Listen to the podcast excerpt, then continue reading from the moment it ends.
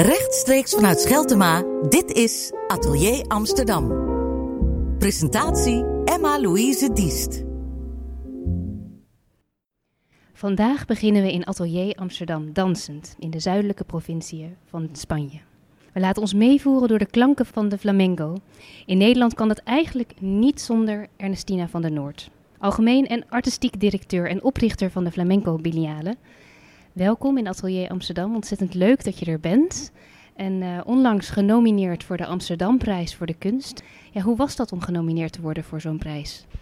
Nou, dat was, dat was eigenlijk wel een verrassing. Um, ik had natuurlijk uit mijn ooghoek wel een beetje die Amsterdamprijs gevolgd. En uit de ooghoek omdat ik dacht van, ja, nou, um, ik ben al wel best wel 14 jaar lang uh, bezig om het culturele landschap van Amsterdam te verrijken met een, nou ja, wat ik altijd noem een, serieus podiumkunstenfestival rondom flamenco. Maar tegelijkertijd weet ik dat daar de kracht en de zwakte liggen. Het is een niche festival. En het is een, wat ik altijd noem, een geadopteerd cultuurgoed, hè, flamenco. Dus het komt uit Spanje. Dus waarom zou, zou ik dan ooit genomineerd worden voor uh, de Amsterdamprijs? Omdat het ja, eigenlijk een, een buitenlands cultuurgoed is. Maar wel geadopteerd al heel lang in Nederland, sinds de jaren tachtig. Dus ik dacht, oh, nou weet je, ik, uh, laat, laat ik er niet, niet te veel naar kijken, want dan word ik misschien toch een beetje gefrustreerd. Dus die nominatie viel, was eigenlijk een hele grote verrassing. Maar eigenlijk ook wel heel fijn dus. Nee, ja, nee, een, een blijde verrassing. Dus, en toen dacht ik, goh, uh, ik had het op dat moment ook best moeilijk. Ik had wel een hele monsterbiennale gehad, hij was heel zwaar. Um, het is elk jaar zwaar en dit keer was het weer zwaarder. Terwijl je denkt van, nou, je denkt altijd van, nou, de, de, het wordt steeds makkelijker met de jaren, maar dat is dus niet zo. Toen dacht ik, ja, wat moet, moet ik dit nog wel doen? En ik blijf maar aan ploeteren. En dit kwam dus heel fijn op het moment, een soort van erkenning voor het geploeter, zeg maar, van al die jaren. Om een, nou ja, een kunstvorm die in de eerste instantie als folklore werd aangemerkt. Uh, door publiek pers, maar ook vooral ook door programmeurs van zalen en, en subsidiegevers, om die zo erkend te krijgen dat het als serieuze podiumkunst wordt gewaardeerd. En dat was altijd de inzet. En ja, dus het is heel fijn om die erkenning te krijgen, dat, dat die harde werken tegen de keer soms zelf. Um, nou ja, nou ja nu dat, het, dat de merknaam die ik heb willen vestigen met dit festival, met dit internationale podiumkunstenfestival rondom flamenco, dat dat gezien is. Dus het, het is gezien, dus dat is heel fijn. Ja. Als ik het zo hoor, dan je, je noemt het ploeteren en heel hard werken en een, een zware biennale. Dat betekent dat je ook hebt afgezien. Hoe kwam dat, dat het zo moeilijk was? Nou, het is, de, de, de lat ligt hoog. Dat schreef de Volkskrant al in 2011. Ik ben nogal een perfectionist en ik doe het niet voor minder. Dus ik heb ook nooit artistieke concessies willen doen, ondanks dat er al maand voor het festival um, uh, nog geen geld was voor een aantal projecten. En dat je dan denkt, nou, we moeten snijden. En dan riep ik altijd, nou, maar dat kan niet. En dan bleef ik toch maar doorgaan vertrouwen op dat we met de publieksinkomsten dan toch wel weer een goede begroting zouden krijgen. Nou, dat is eigenlijk alle, uh, uh, bij alle edities ook, ook heel goed gelukt. We hebben altijd een hele hoge zaalbezetting in het land, hè, want we zitten niet alleen in Amsterdam. Amsterdam is wel het speerpunt en het centrum van het festival. Het is ook hier ontstaan. Maar ja, doordat, je dus, doordat wij dus vanaf 2011 al uit zijn gewaaid het land door naar Rotterdam eerst, toen naar uh, Den Haag, uh, Utrecht zat er al bij.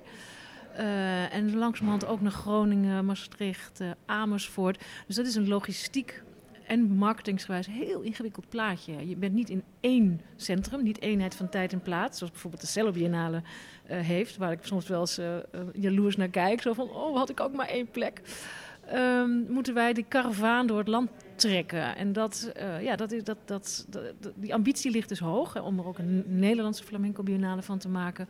Met hoogstaande um, uh, um, artiesten, internationale uh, topact. Maar dan ben je uiteindelijk een, een, een, toch een behoorlijk klein team om al die ambities waar te maken. Dus ja, ik spring dan ook echt op heel veel vlakken in die eigenlijk helemaal niet meer zouden moeten. Zoals uh, ik actief in de, in de marketing en de communicatie. Dat ligt me ook goed. Ik kan het product Biennale redelijk goed verkopen. Uh, dat kun je ook zien aan de persmap die op de website staat bijvoorbeeld um, van de afgelopen jaren. Dat doe ik natuurlijk met een heel team, maar ik merk altijd dat ik in moet springen op een gegeven moment, omdat het gewoon te veel is. Je, hebt, je bent een niche festival, dat is ook een niche marketing. En als je dan 15 zalen hebt, of nee, 25 zalen in 10 steden. En ook nog in, in, in België en eentje in Slovenië, waar we een kleine zusterbiennale hebben opgericht. Met wie wij dus alternerend ook samenwerken.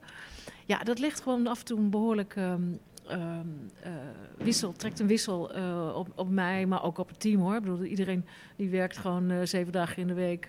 en dat is niet erg, bedoel, dat hoort er ook bij bij zo'n festival. Maar het werd ook door persoonlijke omstandigheden dit keer ook best zwaar. En mijn vader overleed daar in het begin van de biennale en een hele dierbare vriend. Dus dat was, dat was, eh, dat was een, een, een, ehm, nou ja, een, plus-plus eh, situatie waardoor het eh, nou, zwaar werd. En, Ja, als je jezelf al moet verdelen over al die steden in Nederland en dan ook nog persoonlijke dingen spelen. Ja, je bent één mens. Je kunt op één plek zijn. Dat is inderdaad heel veel. Maar laten we even naar het begin gaan. Voordat die karavaan trok door het land. Het begon in Amsterdam. Het begon met een idee in 2006, dan waarschijnlijk al ietsje eerder. Kan je vertellen hoe die eerste stappen waren toen je het idee had en dat eigenlijk langzamerhand werkelijkheid werd? Nou, ik had ehm, in het verleden eh, was ik door Jan, eh, Jan Wolf van de IJsbreker gevraagd om een Cuba-festival te organiseren in, ik geloof dat het 2000 was. En daar is eigenlijk dus een soort van kiem gelegd. Dat ik, dat kwam uit het niets vallen. Door, en hij zei, volgens mij ben jij heel kritisch, dat had hij goed gezien. Eh, ik wil dat jij voor mij een Cuba-festival organiseert, maar niet één waar alleen maar de oude mannen van de Buena Vista zijn, maar het hele spectrum. Nou, dat was, en, dat, en ik bleek dat eigenlijk, ik dacht van, oh, nou, en opeens viel alles samen. Wat ik, wat ik, wat ik kon, kwam daar samen. Ik was heel goed vernet, zoals ik dat altijd noem. Ik had een goed netwerk in de Cubaanse eh scene in, eh, in Spanje en in Cuba zelf. Dus de diaspora en, en, en op het eiland. Dus eh, nou, ik mocht met, met, met, met een budget mocht ik een, festival samenstellen. Ik zag dat als een soort van compositie. Dus allerlei elementen die op elkaar afgestemd waren. En dacht van, god, dit is eigenlijk mijn kunstwerk. Ik ben zelf geen kunstenaar. Maar ik schurk, er tegenaan, zeg maar. Dus ik ben goed in het samenbrengen van mensen met ideeën. En ontdekte ik toen, wist ik niet. Jaren later, toen het muziekgebouw er stond... toen ben ik naar ehm, Jan Wolf gegaan. ehm, en eh, toen zei ik van, nou, het is eigenlijk tijd nu voor een flamenco biennale. Ik zie zulke interessante ontwikkelingen eh, in Spanje... in de hedendaagse flamenco scene die ik hier in Nederland niet helemaal terug eh, eh, zie. En volgens mij is het dan tijd voor één keer in de twee jaar een biennale. Dus, dus twee- tweejaarlijks. Veel mensen weten niet wat biennale betekent, dus ik zeg het nog maar eens een keer. Annual is één jaar hè? en dan biannual is tweejaarlijks. En eh, een state of the arts. En dat het dan hier in Amsterdam plaatsvindt. Amsterdam als centrum van vooruitstrevendheid, pionierskunst, experimenten, ri- makers die risico willen nemen. Dus dat paste volgens mij heel goed hier in, in deze stad, waar ik sinds eh 86 eh, eh, aan verknocht ben. En dan in het muziekgebouw aan het IJ, op de plek waar dat prachtige gebouw net was verrezen. En eh, nou, dat omarmde Jan. Die missie was ook meteen gekoppeld aan het feit dat ik flamenco eh, niet als volkskunst ehm, wou profileren, maar als een hedendaagse podiumkunst. Dus een, een, die serieus genomen moest worden. En dat was de, zeg maar de inzet, de missie. en ehm, nou, ik heb in, in, in Dat is ook wel een beetje de strijd van de flamenco op zich, hè? in het algemeen. Nou ja, precies. Dat was ook de strijd van de makers in 2005, toen, dat- toen dat idee begon te gisten. Eh, dat ik zag van je hebt een hele traditionele flamenco. ehm, die geassocieerd wordt, weet je wel, met de, met de, met de, met de, giet- met de, de gitanas, de vrouwelijke gypsies, die het haar wild achterover slaan. En het jongetje, misschien zelfs wel het jongetje met de, met de, met de, met de, met de traan van het schilderij. Eh, met de noppenjurken en met een, met een zeer gecodificeerd, st- streng corset. En ik zag dus ehm, een ritmisch eh, en melodisch ehm, corset. En ik zag makers eh, die in de marge in Spanje probeerden die codes en dat te, doorbreken en aan dat corset, te ontsnappen. Dat werd u niet in dank afgenomen. Maar dat vond ik, dat waren voorstellingen die ook helemaal nog niet zo goed waren soms. Maar dan zat ik daar op de Biennale van Sevilla. En die, die programmeerden ze dan wel, maar een beetje achteraf theatertjes.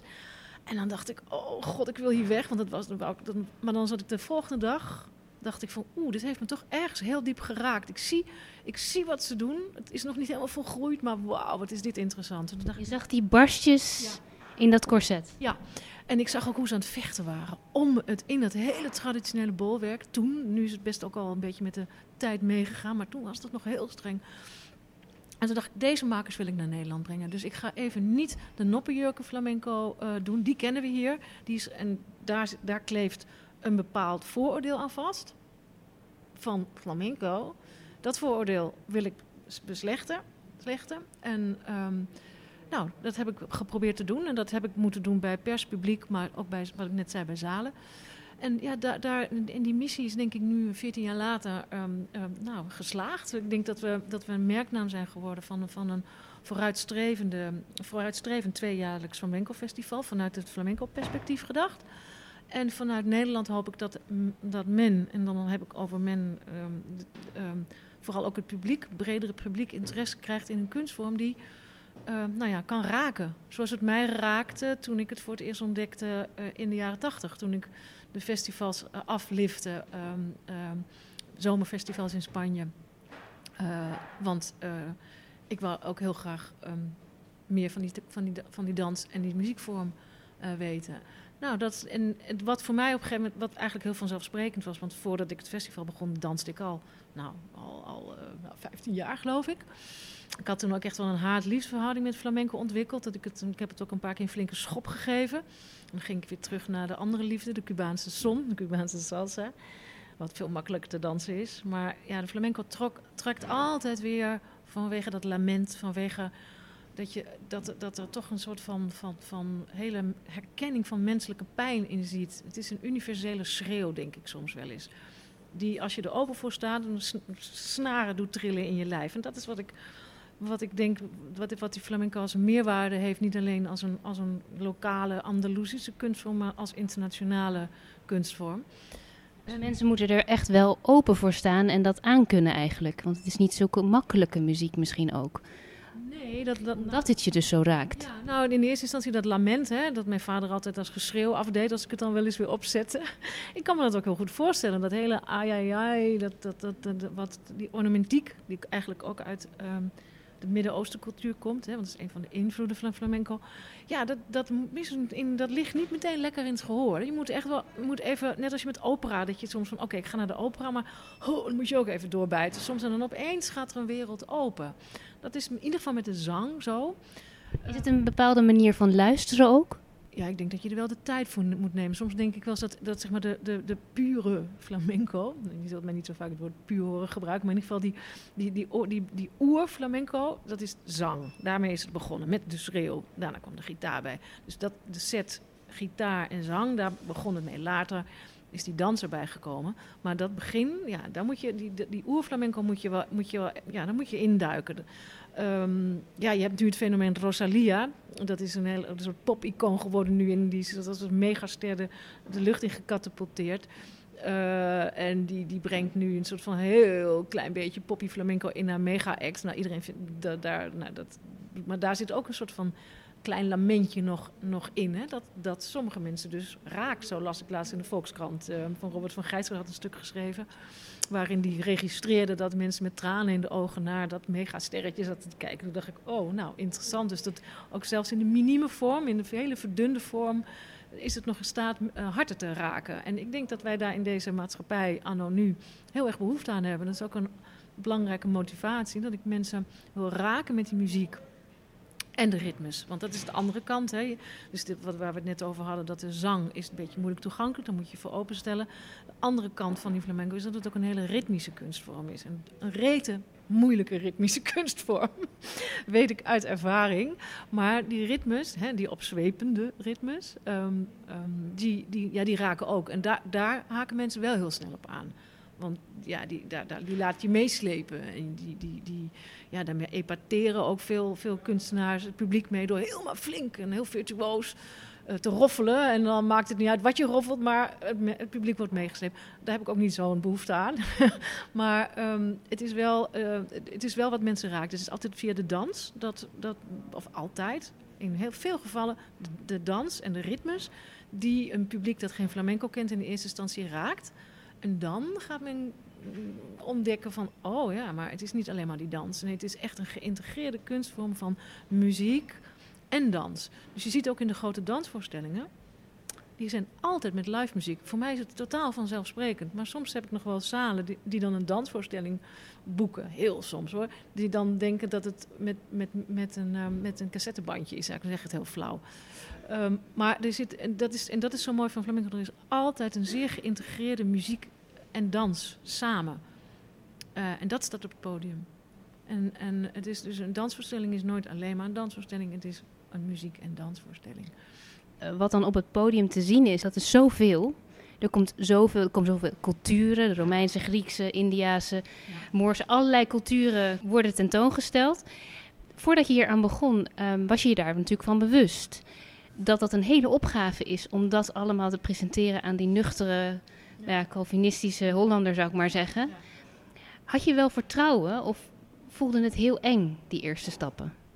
Nou, die, die, die, die, eerste editie was behoorlijk eng. Maar ik had het geluk in die tijd dat ik had het idee niet alleen. Dus goede ideeën worden, die, die, die hangen in de lucht ook, hè, denk ik. Dus toen ik dat idee lanceerde bij Jan Wolf... Om, en ook in de flamenco scene waar ik toen actief was... als uh, nou ja, danseresje, zeg maar... toen, uh, uh, toen hoorde ik van um, Raza, dat toen nog bestond in Utrecht... Maarten Rovers, die daar de programmering deed dat zij ook een flamenco festival wouden doen. En ik had voor dat Cuba festival al met Ma Maarten Rovers gewerkt en dat was heel goed bevallen. En toen dacht ik, nou, we moeten in dit kleine landje moeten we elkaar niet de tent uit concurreren. Laten we de krachten bundelen. En dat vond hij een goed idee. Dus toen zijn we dus begonnen met um, Amsterdam en Utrecht. Uh, en doordat ik uh, met een, een, een, een, een, kleine, maar zeer fijne theater, muziekinstelling samenwerkte, die ook echt heel erg voor kwaliteit ging, zoals ik dat ook wil, um, voelde dat dan als een enorme steun in de rug. Alleen had ik dat toen niet gedurfd, aangedurfd. Raza was in die tijd ook de, de, de, het productiehuis erachter en, en deed, de productie en deed een beetje de zakelijke leiding. Dus ik kon echt heerlijk alleen maar het artistiek doen. Dat, dat deden we, hadden we ook afgesproken voor twee twee edities. En daarna zouden we verzelfstandigen met, met, nou ja, met alle gevolgen van dien. Maar dus het was eng, maar doordat ik het met, met, met Maarten deed, was het een stuk minder eng. Want hij had heel veel expertise op vlakken die ik nog niet had. Zoals subsidieaanvragen goed schrijven, daar heb ik heel veel van geleerd. En um, onze krachten werden toen inderdaad heel goed gebundeld. Maar ik was, ik, het was eng, het was echt een sprong in het diepe. Ook omdat we een vooruitstrevende programmering uh, deden. Uh, maar ik had ook wel vertrouwen in. Ik heb altijd heel erg vertrouwen gehad in geen rotzooi brengen. Of geen genoegen nemen met dan maar mindere goden. Of een concessie doen. Nee, je staat voor die kwaliteit die je wil brengen. En, die, en dat vertrouwen gaf mij het vertrouwen dat, dat als ik dat zo neer zou zetten op die manier, dat het toch zou moeten lukken. In, in die samenstelling met, met, met uh, met, uh, met Raza erbij. En nou ja, het was eng. We programmeerden de, de man, Israël Galvan, dat is nu een hele grote flamenco wereldster. Die heb ik voor het eerst naar Nederland gehaald. Die deed de slotvoorstelling in het muziekgebouw aan het ei. Was hij meteen enthousiast? Ja, hij was heel blij. Die makers in die tijd waren ongelooflijk dankbaar dat ze in ieder geval een groot podium in het buitenland hadden. Israël Galvan was in die tijd al zeer erkend in Frankrijk, die daarin altijd wel voor oploopt. Hij was ook al artiest associé van het Theatre Chaillot. Uh, en daar trad hij al veel op. En, uh, uh, dus, maar hij maakte zijn debuut, debuut in, de, in de slotvoorstelling van de eerste biennale 2006 in het Muziekgebouw aan het Ei. En ik had eigenlijk praktisch voor hem die biennale opgericht, want hij was die maker die ik had, die, die ik had gezien in Sevilla. En ik dacht van, jezus, die, die, voor hem en ook voor Andres Marien, andere maker. Maar die was al eens een keer in Nederland geweest, dus ik wou iets nieuws brengen die mensen, dat mensen nog niet hadden gezien. En op de allereerste dag van het festival, het, was, eerste festival was een week, waren er in het muziekgebouw net 75 kaarten verkocht. Dus toen, toen was het eng. Maar gelukkig had ik toen uh, het NRC zover dat ze uh, een... Um, hoe heet ze nou alweer? Sandra Herma van Vos, geloof ik, die schreef nog... die mocht naar Madrid om de voorstelling te zien en Galvan te interviewen. En dat was, kregen we een voorpagina in het cultureel supplement. Toen nog de laatste versie van een grote cultureel supplement.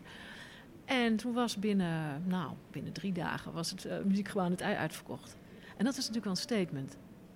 En eigenlijk hebben wij aan, aan, publiciteit en pers dus vanaf dag één nooit te klagen gehad. We hadden in die eerste editie ook 99% zaalbezetting of zo.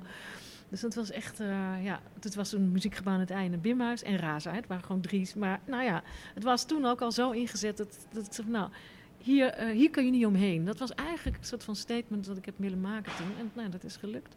Realiseerde je toen op dat moment dat je aan iets begonnen was waar je waarschijnlijk nog heel lang aan zou werken? nou ja, ja, eigenlijk wel. Ik had het ook echt wel ingezet als, als iets. Uh, ik, ik um, ben tamelijk serieus in wat ik doe. En als ik dan ergens tanden inzet, dan ben ik dan denk ik ook wel dat dat, dat, dat niet een uh, eendagsvlinder uh, moet zijn. Dus ja, en ik had een missie inderdaad om terug te komen op je vorige vraag ook nog. Om, het gaat ook heel erg over dat ik niet alleen die dans en die voorhoede van die dans wilde laten zien, maar ik wou ook laten zien um, wat voor rijke smeltkroes flamenco is wat, en wat, uit wat voor invloeden ze is samengesteld. Wat wij nu kennen als flamenco. Um, is een, is een amalgaam van, je noemt het net al, van, van uh, joods-christelijke, Arabische, Byzantijnse, uh, Maghreb-invloeden gemengd op de Andalusische vruchtbare uh, grond waar een populaire cultuur was, die die invloeden absorbeerde. Dan is er nog een invloed, hypothetisch, die wordt betwist door velen, maar ik denk dat het wel klopt. Dat, er, dat, de, dat de zigeuners uit Rajasthan helemaal getrokken zijn uh, en, en daar in, uh, via die trail, die Roma-trail, naar Andalusië zijn gegaan. Dus dat, die smeltkroes heeft in de middeleeuwen de begin, begin, het beginnende wortels gelegd voor, voor, voor flamenco, denk ik.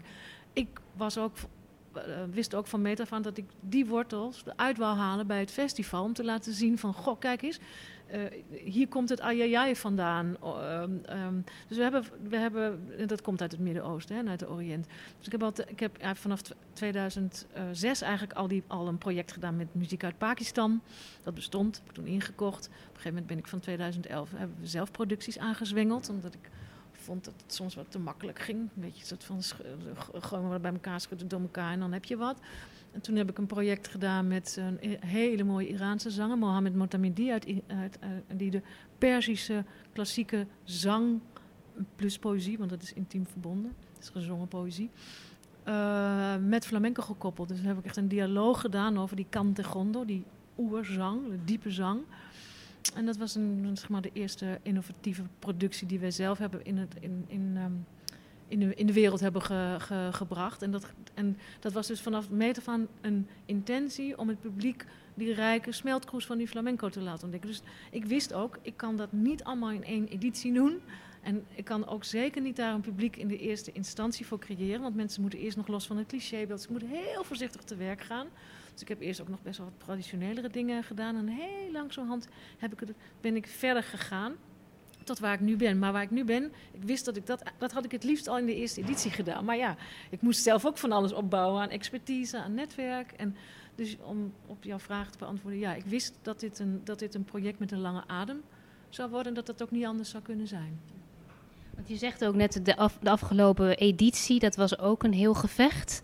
En eigenlijk weer een groter gevecht. Maar als je het zo omschrijft, lijkt het ook wel zo dat je elke keer weer opnieuw barstjes vindt in dat corset. Weer nieuwe culturen, weer nieuwe uh, verhalen. Mm -hmm.